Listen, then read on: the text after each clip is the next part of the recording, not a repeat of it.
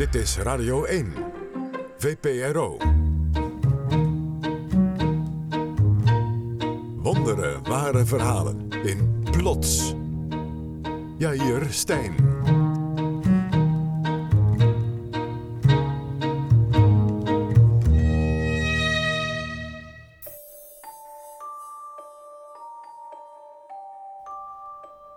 Oké, hier ben ik niet bepaald trots op.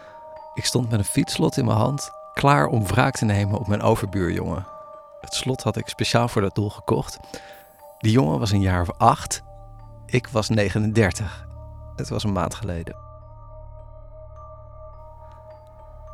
Het ene moment was ik een, eh, een redelijke, tolerante jongen. Het volgende moment kon ik aan niets anders meer denken dan mijn overbuurjongetje. Die ik nog maar net had ontmoet ook. Ik had geen idee dat het zo snel kon gaan. Dit was de situatie. Mijn vriendin was de deur uitgegaan, maar onverrichte zaken weer teruggekomen. Ze kon niet weg omdat iemand haar fiets in een soort wurggreep had gezet. Een andere fiets stond tegen haar fiets aan en was met een lang slot over haar fiets heen aan een rek vastgezet, maar zo strak dat ze haar fiets er niet tussenuit weg kon krijgen. Ze opperde om de gemeente te bellen om de fiets weg te laten halen, maar ik hield haar tegen. Ik zei: Ja, het kan iedereen gebeuren. Iemand haalt die fiets vanzelf weer weg. Toen ik naar buiten ging, zag ik dat het een kinderfiets was. Een zwarte, glimmende crossfiets. En uh, toen was ik pas echt blij met mezelf dat ik had weten te voorkomen dat die fiets weg was geknipt. Ik zag het jongetje zelfs even voor me met een uh, betraande blik in een mengeling van schaamte en dankbaarheid. Later die middag liep ik buiten en zag ik een jongetje met die bewuste fiets in zijn hand. Hij was klein, dikker, met een bril, zag er aandoenlijk uit en ik liep gelijk op hem af en vertelde hem op vaderlijke toon wat hij had gedaan en dat hij voortaan beter op moest letten. Ik uh, vertelde hem dat mijn vriendin hoogzwanger was en dat ze nu alles lopend had moeten doen, wat veel zwaarder is. En toen wachtte ik rustig op zijn uh, stotterende excuses. En toen keek het jongetje me recht in de ogen en zei: U gunt mij geen plek? En ik was zo perplex dat ik eerst niet goed wist wat ik moest zeggen. Ja, maar je had je fiets toch ergens anders neer kunnen zetten, zei ik uiteindelijk. Ik was van de weeromstuit zelf gaan stotteren. Bij een bepaald soort onrechtvaardigheid lukte me gewoon niet meer om helder na te denken. Maar het jongetje was heel resoluut. Dit is mijn plek, zei hij. En hij zette zijn fiets op slot, liep naar zijn huis, schold me uit voor teringleier, trok de deur achter zich dicht. En ik voelde hoe mijn bloed ging koken. Ik ging naar de winkel, kocht een spiraalslot, zocht naar een losstaand fietswrak en zette dat tegen de crossfiets van het jongetje aan. En toen was het mijn vriendin die mij heeft tegengehouden op de valreep. Want ik stond klaar om zijn fiets voorgoed op slot te zetten. En ik weet het. Het is een kind. Maar ik zin nog steeds op wraak. Dit is plots met wonderlijke ware verhalen rond één thema. Het thema vandaag, de ander. Genoeg dus over mij. Verhalen over mensen die, net als ik, in de greep komen van een ander. Mensen waar we op de een of andere manier aan vast komen te zitten en niet meer van loskomen.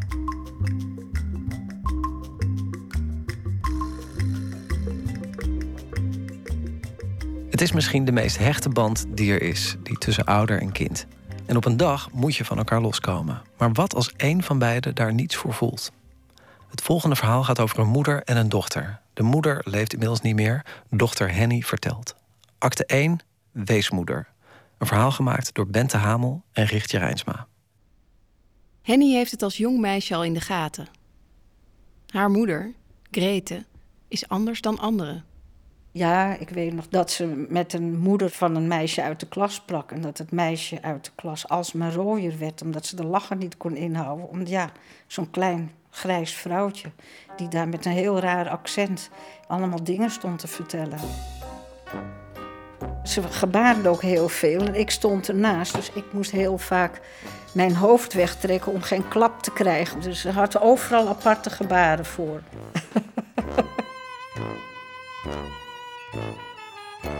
Als ze dan weer uh, zo heel lang gepraat had met iemand, Althans, verteld, want zij vertelde dan. Dus zei ze later weer. Ze hebben me weer staan uithoren. En dat vond ik dan ook wel weer vreemd, want ik stond er vaak bij. En dan zag ik dat zij, als ze alleen maar vroegen hoe gaat het, losbarsten. En de mensen eigenlijk verder niet zoveel hoefden te vragen. Dan kwam er van alles. Ze had niet zo'n hoge pet op van de mensen. Ze vertrouwde ze niet echt. En dan was het winter. En dan was er weer uh, iemand langs geweest. En dan zei, zei ze, die mevrouw die en die is weer geweest. En dat was natuurlijk toch weer om de kolen uit te sparen. Zodat zij lekker warm zit bij mij. En zij de kachel niet hoeft aan te doen. ja. Grete is niet alleen argwanend, ze is ook heel direct. Een pijnlijke combinatie voor haar dochter, die naast haar staat als Grete de mensen weer eens de waarheid zegt. Mensen met een heel laag inkomen konden kleding vragen. En sommigen kregen kolengeld, dus echt jaren 50 nog. Op een gegeven moment hoorde ik dat ze het niet kreeg. En toen ging ze hier, het is hier vlakbij, ging ze haar verhaal halen. Dat noemde ze ook, ik moet ergens op af. En ik moest altijd mee, want ze dorst mij niet alleen thuis te laten. En dan ging ze daar bij het loket reclameren. Echt zo heel rechtstreeks, van u heeft mij bedonderd. Omdat ik al oud ben, want die mevrouw die kreeg dat wel, omdat die dan knap was en jong. En toen had die meneer een paar keer gezegd van, en nu moet u gaan. En toen deed hij zijn loketje dicht. En toen liep zij naar de deur achterom eromheen. En toen zei die meneer, als u nu niet weggaat, roep ik de politie. Dus ik, mam, mam, kom nou mee. Ik denk dat ze ook helemaal verder niet besefte dat ze vreemd gevonden werd. Daar had ze helemaal geen idee van. Later vertelden mensen wel eens als we je moeder zagen aankomen, staken we de straat over. Gretes wantrouwen wordt nog extremer wanneer ze alleen komt te staan. Haar man, Henny's vader, laat haar in de steek voor een andere vrouw. Ik was zeven toen hij wegging. Dus mijn hele lagere schooltijd herinner ik mij. Ze heeft heel lang gehuild ook steeds. En met oud en nieuw was het nu is je vader één jaar weg. Nu is hij twee jaar weg. Hij is op Sinterklaasavond weggegaan. Dus het waren ook niet de vrolijkste feestdagen, zal ik maar zeggen. Ze deed wel de best om het gezellig te maken. Maar ze moest ook altijd veel huilen, juist met Sinterklaas en oud en nieuw.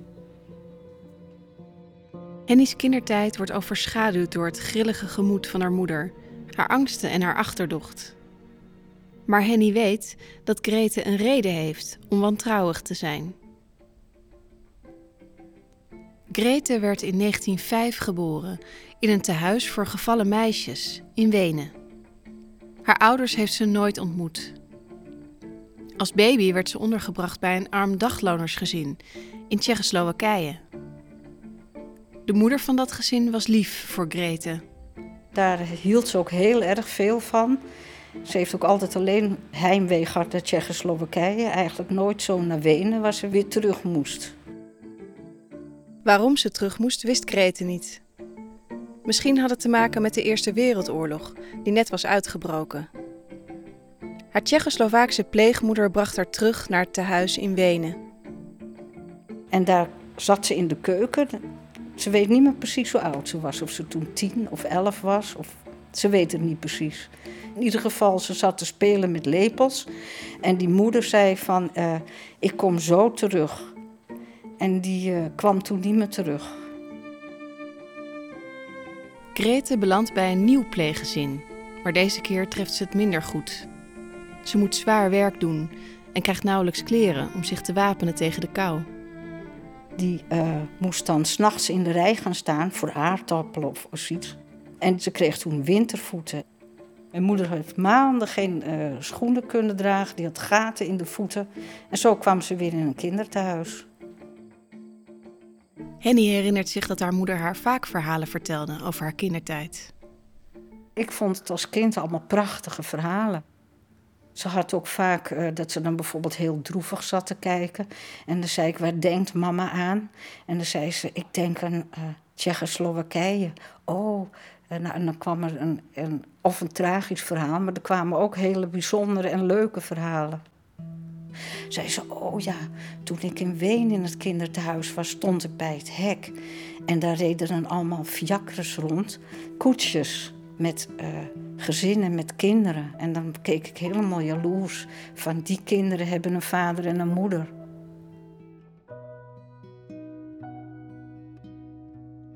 Ze was wel eigenlijk behoorlijk geestelijk gekneusd. Angstig. Toen ging ik met schoolreisje en toen ging ik de bus in en toen stond mijn moeder daar huilend te wuiven. Ik bedoel, de geneesmoeder stond te huilen bij die kinderen die een dagje met schoolreisje gingen. Dus dat, ze was heel erg ongerust. Dus ik moest altijd heel vlug naar huis, want ze dacht altijd dat er wat gebeurd was. Dan had ik altijd medelijden natuurlijk met mijn moeder. En dan ging ik ook met haar mee zitten huilen. Want als ze droevig was, zat ze te huilen. En dan kwam er zo'n droevig verhaal. En dan zaten we samen te huilen. En dan zei ze, en iedereen gaat altijd bij me weg. En dan zei ik, maar ik blijf altijd bij mama.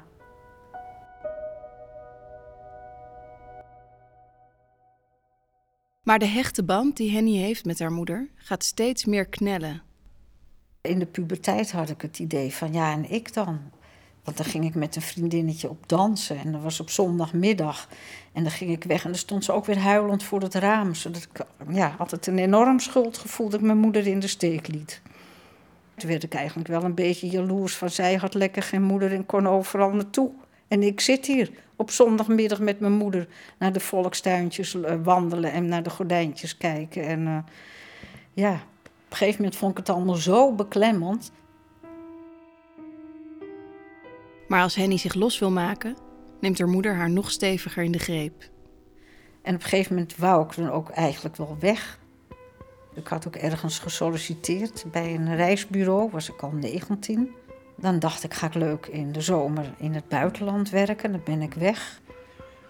Maar je had toen tot je 21ste toestemming nodig, want je was dan nog minderjarig. Dus ik kreeg de handtekening niet. Nou ja, het, het werd steeds ingewikkelder. Ik werd ook steeds magerder in die tijd.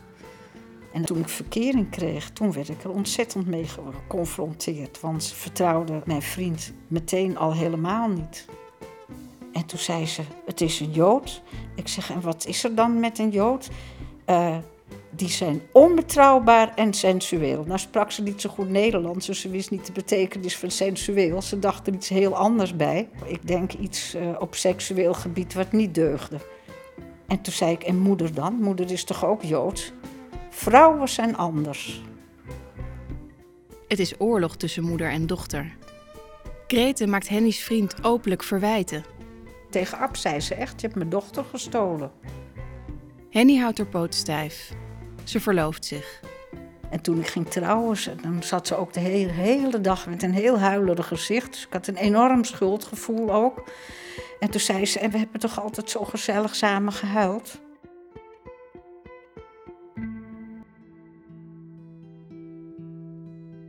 Toen we getrouwd waren en er zo'n enorme druk van mijn moeder uitkwam, toen weet ik dat ik zo enorm zo in het nauw voelde dat ik dacht van ging ze maar dood. Maar toen kreeg ze kanker.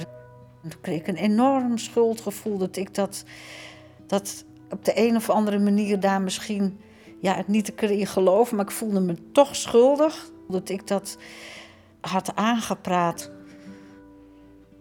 Nou, daar kan ik nu nog wel eens om janken. Ik heb heel lang gedacht, ik ga niet meer aan vroeger denken.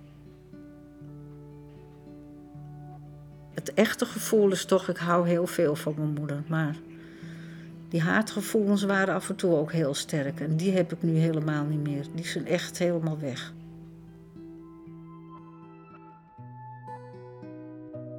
Als klein kind zag Henny al dat haar moeder ongewoon was. Maar hoe ongewoon? Dat realiseert ze zich pas als ze tijdens haar studie een psychologieboek in handen krijgt. Dan lees je van dat in Wenen, toen in die tijd dat zij geboren werd, heel veel kinderen in die tehuizen overleden omdat ze niet geknuffeld werden. Ze was echt ja, zo'n aapje die op een tralietoestandje is grootgebracht, denk ik wel eens. Ze was gewoon echt anders dan anderen.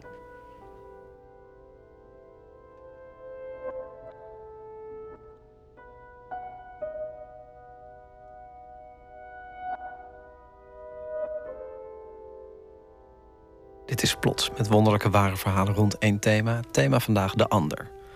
Over mensen die in de greep komen van een ander en waar dat toe kan leiden. Het is niet makkelijk om mensen te helpen die een totaal andere manier van leven hebben en andere normen en waarden dan wij. Dat weten ontwikkelingswerkers in Afrika, maar ook hulpverleners in Haarlem. Die begin jaren 60 betrokken waren bij een bevlogen sociaal experiment Woonschool Parkwijk.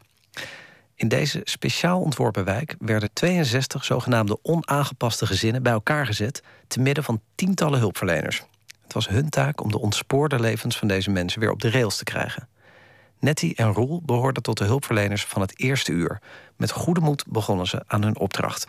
Acte 2, Halte voor Asociale. Een verhaal gemaakt door René van S.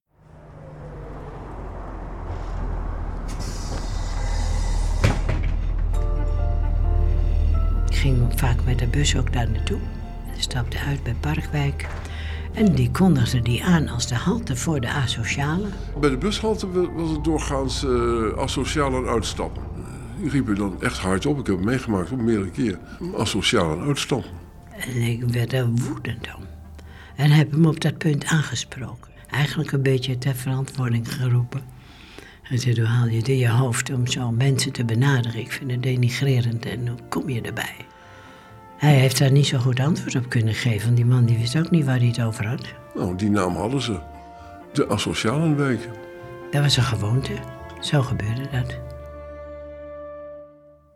Ik heb me altijd aangetrokken gevoeld door de, door de mensen die het minder hadden dan wij zelf. En daar wilde ik iets voor doen. En iets meedoen. En hoe dat er dan uitzag, ja, dat wist ik ook niet precies. Ik was ingeschreven in Amsterdam op de Sociale Academie. Heb ik uh, mogelijkheid gekregen om daar te gaan werken. En ik was in die opleiding en daar hoorde ik natuurlijk ook allerlei theorieën over het maatschappelijk werk en papa, papa, wat allemaal wel moest gebeuren. En ik ging daar vol goede moed heen en ik dacht bij mezelf, nou, dat, niet van dat maak ik wel even, maar hier zie ik het wel zitten. Aan de overkant van dit project, in de, in de flats, daar woonden de mensen die door de instanties werden gezien als het referentiepunt waar naartoe geleefd moest worden. En dat waren de mensen die als ze een auto hadden, daar ontzettend trots op waren. De autodichtheid was toen niet zo heel erg groot, maar als je een auto had, dan was je al de hele Piet. En dan stond je zaterdags die auto te poetsen. Dat was normaal. Als we nou maar bij deze mensen die zoveel tekorten hebben aan opleiding, aan begrip, aan tolerantie, aan mogelijkheden, geen werk, door alcoholisme, noem maar op. Als we daar nou maar zorgen dat er een soort van paraplu aan hulpverlening over uitgestort wordt. Via die maatschappelijk werkers en die gezinsverzorgers en die peuterleidsters en die club- en buurderswerkers, dat allemaal erop loslaat. Dan moet dat lukken. De veranderbaarheid van deze gezinnen, die werd, werd hoog ingeschat. Deze mensen kunnen veranderen. Ik was 22 hè? en we gingen het leven even maken. Kwam daar echt, echt uh, handen uit de mouwen en uh, we gaan er tegenaan. En zo begonnen we er ook aan. Het was ook vreselijk leuk. We waren dag en nacht aan het werk. Toen ik daar binnenkwam, is mij eigenlijk opgevallen toch een zekere mate van gezelligheid wel. Een beetje saamhorigheid. Nou, er was voldoende speelruimte voor de kinderen op straat. De huizen die waren allemaal identiek, waren allemaal hetzelfde. En uh, lekkere, gezellige grote ramen. Vond ik. Niet onaangenaam, moet ik zeggen. En dat centrum, dat buurtcentrum waar ik dan kwam te werken, dat, ja, dat lag een beetje centraal ook. Dus je begint met zo'n buurthuis te organiseren. Voor een deel was het uh, professioneel bemand. In de ochtenduren waren er twee klasjes uh, peuters, kinderen van 2, 3 tot 4 jaar. Die stonden overigens weer onder uh, toezicht van uh, de Universiteit van Amsterdam. Die begeleiden dat, wetenschappelijk. Met als doel om met name de kinderen in, in de voorfase van hun leven al bij te brengen hoe het allemaal hoorde. En ehm, als dat buurthuis vol zat met activiteiten met kinderen en met volwassenen, dat dan bijdrage werd geleverd aan de sociale integratie probleemgezinnen. Ze waren zo aangepast als de pest, dat, dat weet ik wel. Ze wisten zelf ook niet hoe ze moesten omgaan met het hebben van een badkamer bijvoorbeeld. Of het hebben van grote raampartijen in huis. Wat dan ervoor stond dat het al zaligmakend zou zijn, want dan kun je mooi naar buiten kijken. Lekker licht. Die mensen hielden de hele dag de gordijnen dicht, want ze voelden zich bekeken. En ze waren doodsbenauwd dat een ander zou kunnen zien wat er in hun huis wel niet gebeurde. En een van de gezinnen waar ik dan kwam, dat was een ongelooflijk, daar ben ik van geschrokken. Groot gezin, en daar kwam elk jaar een kind. Dat was een gezin van 16 kinderen, geloof ik. En de, de vader die had ongeregeld werk. En als hij thuis kwam, zei hij tegen zijn vrouw: Kom op, liggen jij, want je moet een beurt krijgen. En daar waren de kinderen dan bij. En uh, die stonden erbij, keken er daar. Verblikte of verbloosde niet, waren dat wel gewend. En dan was pa klaar. Nou, dan kon moe weer opstaan en aan het werk gaan, eten koken, weet ik wat allemaal. De man, die was daar de baas ook. En die vond het al een uh, misselijk gedoe dat zijn vrouw daar één keer in de week naar die club ging. Want die voelde zich daardoor bedreigd. En uh, dacht van, er wordt er over me gepraat. En dat was natuurlijk ook zo. Want dat was een van de mensen die elke keer of met een blauw oog mank lopen omdat er been geschapt was of zoiets. En, nou, ruzie gehad. En hij had weer gedronken. En er was er pils te weinig in huis. En dan waren de kinderen ongezellig of uh, die waren tegen de draad in. En die kregen de ene map naar de andere. Ik kwam moe in de beurt. Nou, van zo ging dat dan. Maar ze durfden er bijna niet over te praten. Uit angst voor represaille. Van, uh, nou ja, als ze thuis kwam, het kwam de man ter oren. Dat er iets gezegd was, dan, kreeg ze er van langs. Ongelooflijk. Ik kan er nog beroerd van wat ik aan denk. Dat vond ik zo schrijnend. Dat kende ik helemaal niet uit mijn eigen omgeving.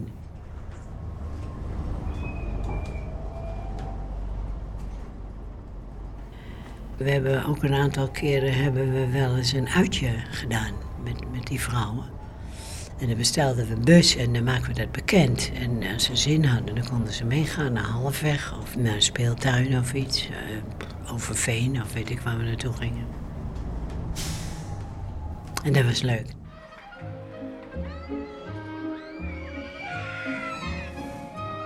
Die mensen die genoten, zo verschrikkelijk. Heerlijk. Nou even helemaal niks. Geen man die je lastig valt. Die dingen moeten, maar gewoon mogen. Een drankje mogen drinken. Wij zeiden niet van dat mag niet. En samen eten ook, tussen de middag en s avonds.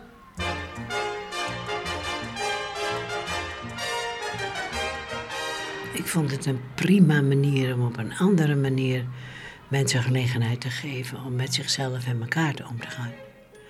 Want het schiep wel een band, dat, dat wel.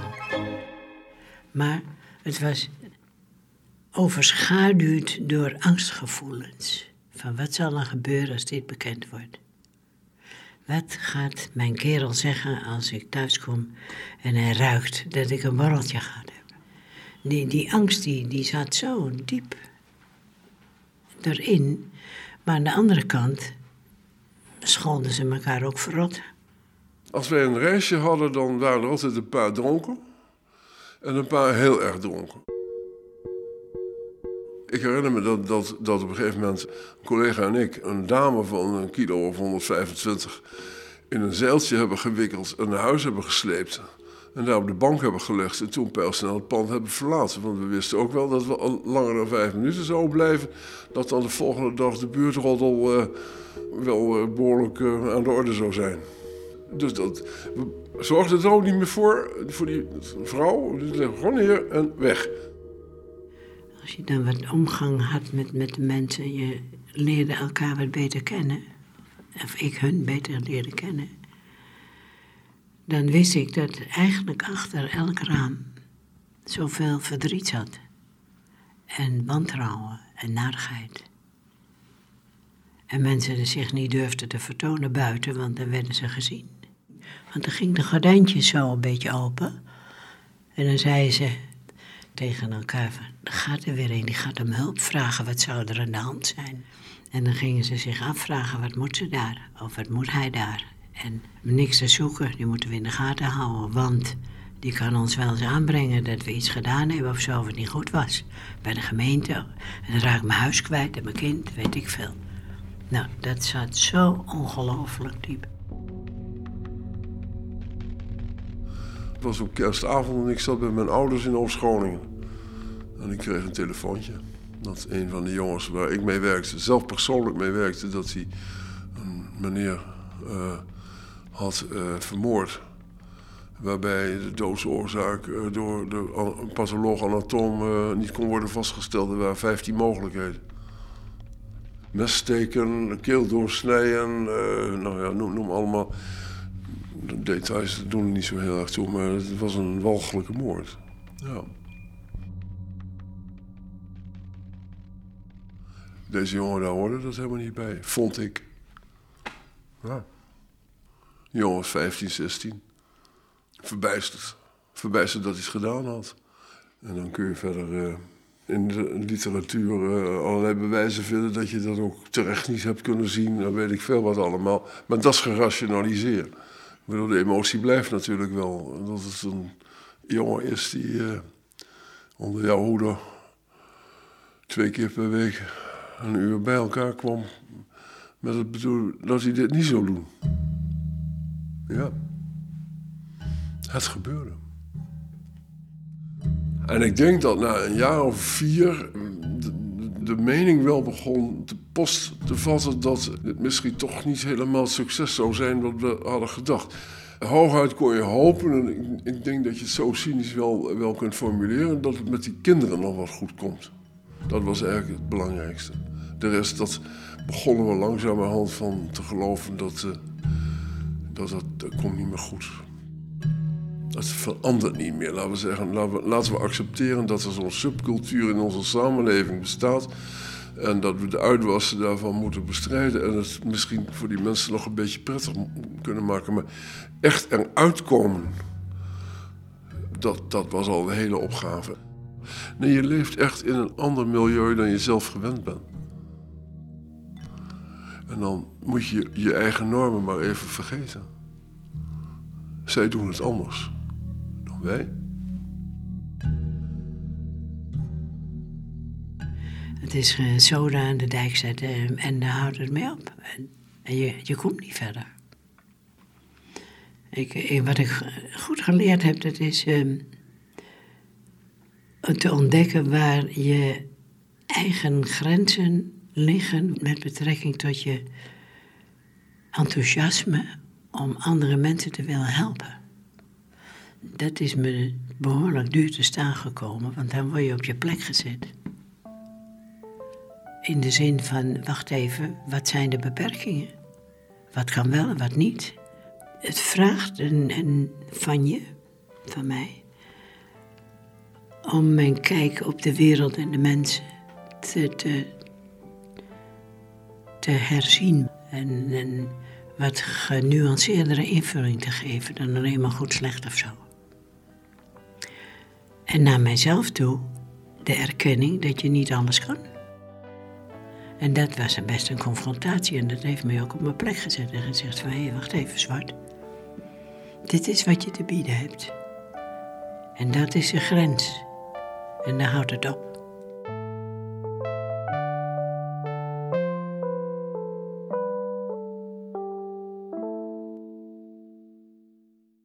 Met dank aan schrijfster Christel Jansen, auteur van het boek De Woonschool, uitgebracht bij Balans. Uh, Christel Jansen bracht ons in contact met de hulpverleners Nettie en Roel die u net hoorde. Woonschool Parkwijk is trouwens in 1974 formeel opgeheven. De 62 woningen voor de asocialen zijn midden jaren 90 gesloopt. Als je trouwt, maak je een belofte om voor elkaar te zorgen, in voor- en tegenspoed. Maar hoe ver ga je als, de, als diegene van wie je houdt zichzelf niet meer is? Margot en Beer zijn 42 jaar getrouwd. Zij was televisieproducer, hij geluidstechnicus. Maar de laatste jaren zitten ze vooral thuis. Samen. Noodgedwongen. Acte 3, Voor eeuwig. Een verhaal gemaakt door Irene Houthuis. Wij waren geweest naar die film, ik geloof dat het Quartet heette, met Judy Dench. Een enige film. We lopen eruit, hij ziet de poster van die film die we net hadden gezien en zegt tegen mij, die film zou ik graag willen zien. Het is een vorm van Alzheimer. Zijn korte memorie is volledig verdwenen, maar zijn intellect is er nog. Meestal kunnen deze patiënten ook niet goed meer praten. En hij praat als brugman in goede volzinnen. Als ze naar de radio luisteren. En eh, dan zegt hij, eh, dat zinnetje had ik over laten doen. Dat, dat loopt niet goed. Dat is de fout opgenomen. Het is ook geen goed Nederlands. Dat weet hij nog allemaal.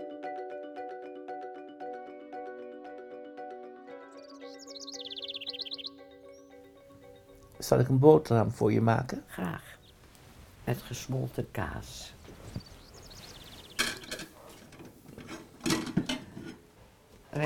Wil jij een kop thee hebben? Nee, bij- ik wil er niets bij hebben. Wil jij een geroosterde boterham met kaas, Margot, of wil je iets anders?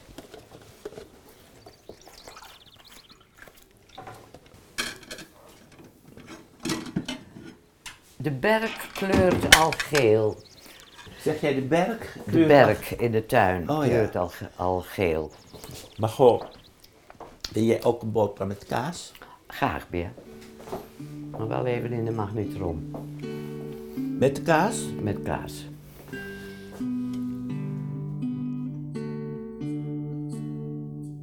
Elke dag 24 uur omgaan met een man die zichzelf niet meer is, dat is zwaar. En bovendien ben ik ook oud. Ik ben 82. Beer is 71. En ik, ik ben zo fit als een hondje. Maar je- voelt je uitgemergeld op het eind van de dag. Bijvoorbeeld, de dag begint altijd met... Hij staat uit het raam, waar is de auto? We hebben geen auto meer. Oh nee, waarom niet? Dat- Je mag niet meer rijden van professor Scheltens. Oh, heeft hij dat? Wie is professor Scheltens? Nou, uitleggen. Dat doe ik al niet meer, want tien minuten later... Weet jij nog waar ik de auto heb geparkeerd? We hebben geen auto meer meer. In het begin was ik heel snippig. Nu zeg ik het zes keer per dag. Nee, we hebben geen auto meer. Hoe lang ook alweer? Vijf jaar.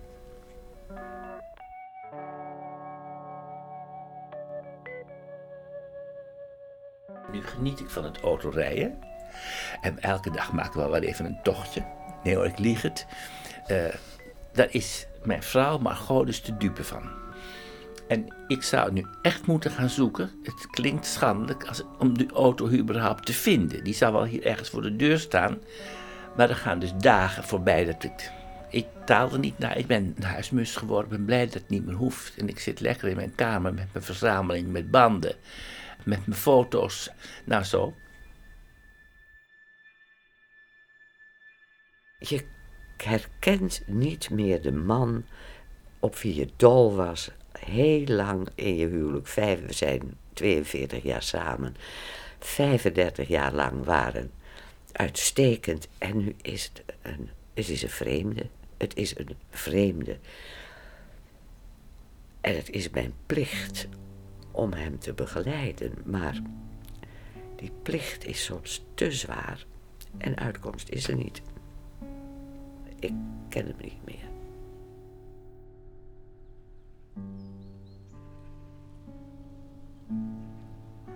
Hij gaat wel eens alleen wandelen en dan bel ik hem. Waar ben je? Oh, ik zit in het Wertheimpark. Een krant te lezen die bij ons de deur niet in mag. Dat is dan de Telegraaf. Nou, dan moet ik weer vreselijk lachen. Hoe die daar komt, ik weet het niet. Want hij weet eigenlijk de weg ook niet meer zo goed. En weet ook dat het het Wertheimpark is. Het is een raadsel. Ik zit aan hem vast. Voor eeuwig. Maar dat eeuwig is niet meer zo lang. Nee, voor mij niet. Misschien nog een paar jaar. En ik wil nog zoveel. Het klinkt zo egoïstisch, maar ik, ik, ik ben nu, nog tot nu toe goed. Ik heb overal belangstelling voor en ik wil zo graag ook nog eens wat reizen. Vergeet het maar. Wat, wat, wat wil je allemaal nog? Ik zou naar Peru willen, ik zou naar Mexico willen, vijf dagen Berlijn of uh, vijf dagen Budapest. Ik ben nog nooit in Spanje geweest, want dat zou allemaal gebeuren als hij met, met pensioen ging. En de eerste jaren zei hij, oh, daar heb ik nu nog geen zin in hoor, dat uh, kan het niet volgend jaar. Ja, dat is goed, ik ben ook nooit alleen gegaan, dus stom. Dan dacht ik, ach ja, hij moet er wat bijkomen en al die dingen meer. En hij voelt zich niet zo lekker. Nou, er komt niks van terecht.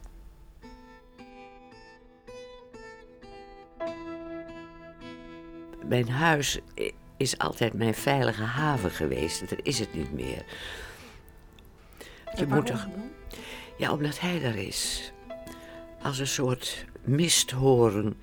Ik bedoel, als ik thuis ben en we zitten hier en ik moet even iets doen. Waar ga je naartoe? Ik ga naar de zolder. Ik moet even naar de was kijken. Oh ja, even later. Maar goh, maar goh, waar ben je? Ik ben op zolder weer. Wat doe je? Dit gaat dus achter elkaar de hele dag. Waar ben je, waar ben je? Nou, en dan trek ik de jas aan en dan ga ik maar weer even een eindje op.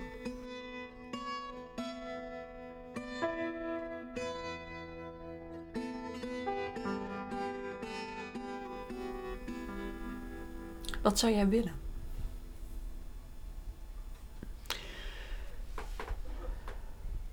Ja. Durf ik dat te zeggen?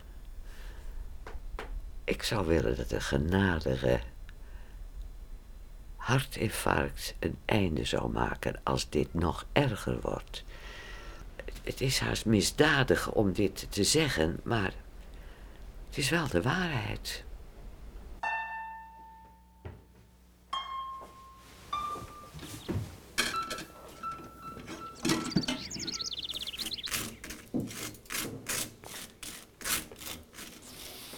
Me wel herinner, dat, is dat voor jou ook zo'n boterham maken? Nee, dat, je hebt het al gemaakt. Is dat... Uh... Ik eet al.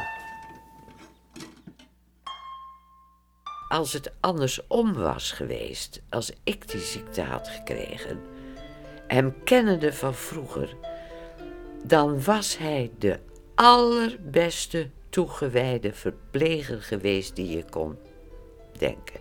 Dan had hij alles, alles opzij gezet om mij te verplegen. Hij is dus een beter mens dan ik.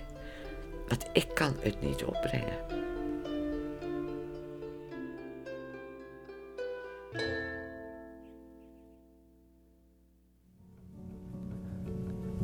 De redactie van Plots bestaat uit Katinka Beer, Bente Hamel, Esma Linneman en ik, Jair. Verder werken mee Irene Houthuis, Jennifer Patterson, Laura Stek, Richtje Rijnsma, Stef Visjager, Tjitske Musche, Prosper de Roos, René van Es en Jula Altschuler. Techniek Alfred Koster, productie Sharon de Vries. Plots wordt mede mogelijk gemaakt door het Mediafonds. Kijk op onze site om meer bijzondere ware verhalen te vinden en lid te worden van de gratis Plots podcast. En om nu meteen heel graag Dank u wel. Een reactie achter te laten op onze uitzending vpro.nl/slash plots. U kunt ook uw eigen verhaal opsturen via dezelfde site. Volgende week verhalen in Studio Itzerda. Straks Bureau Buitenland met Chris Keijnen. De volgende plots is er weer op 24 november. Het thema een simpele rekensom. Met onder meer de zoektocht naar een antwoord op een onmogelijke vraag. Wat kost een mensenleven? Of liever, wat zijn wij bereid om ervoor te betalen? Tot dan.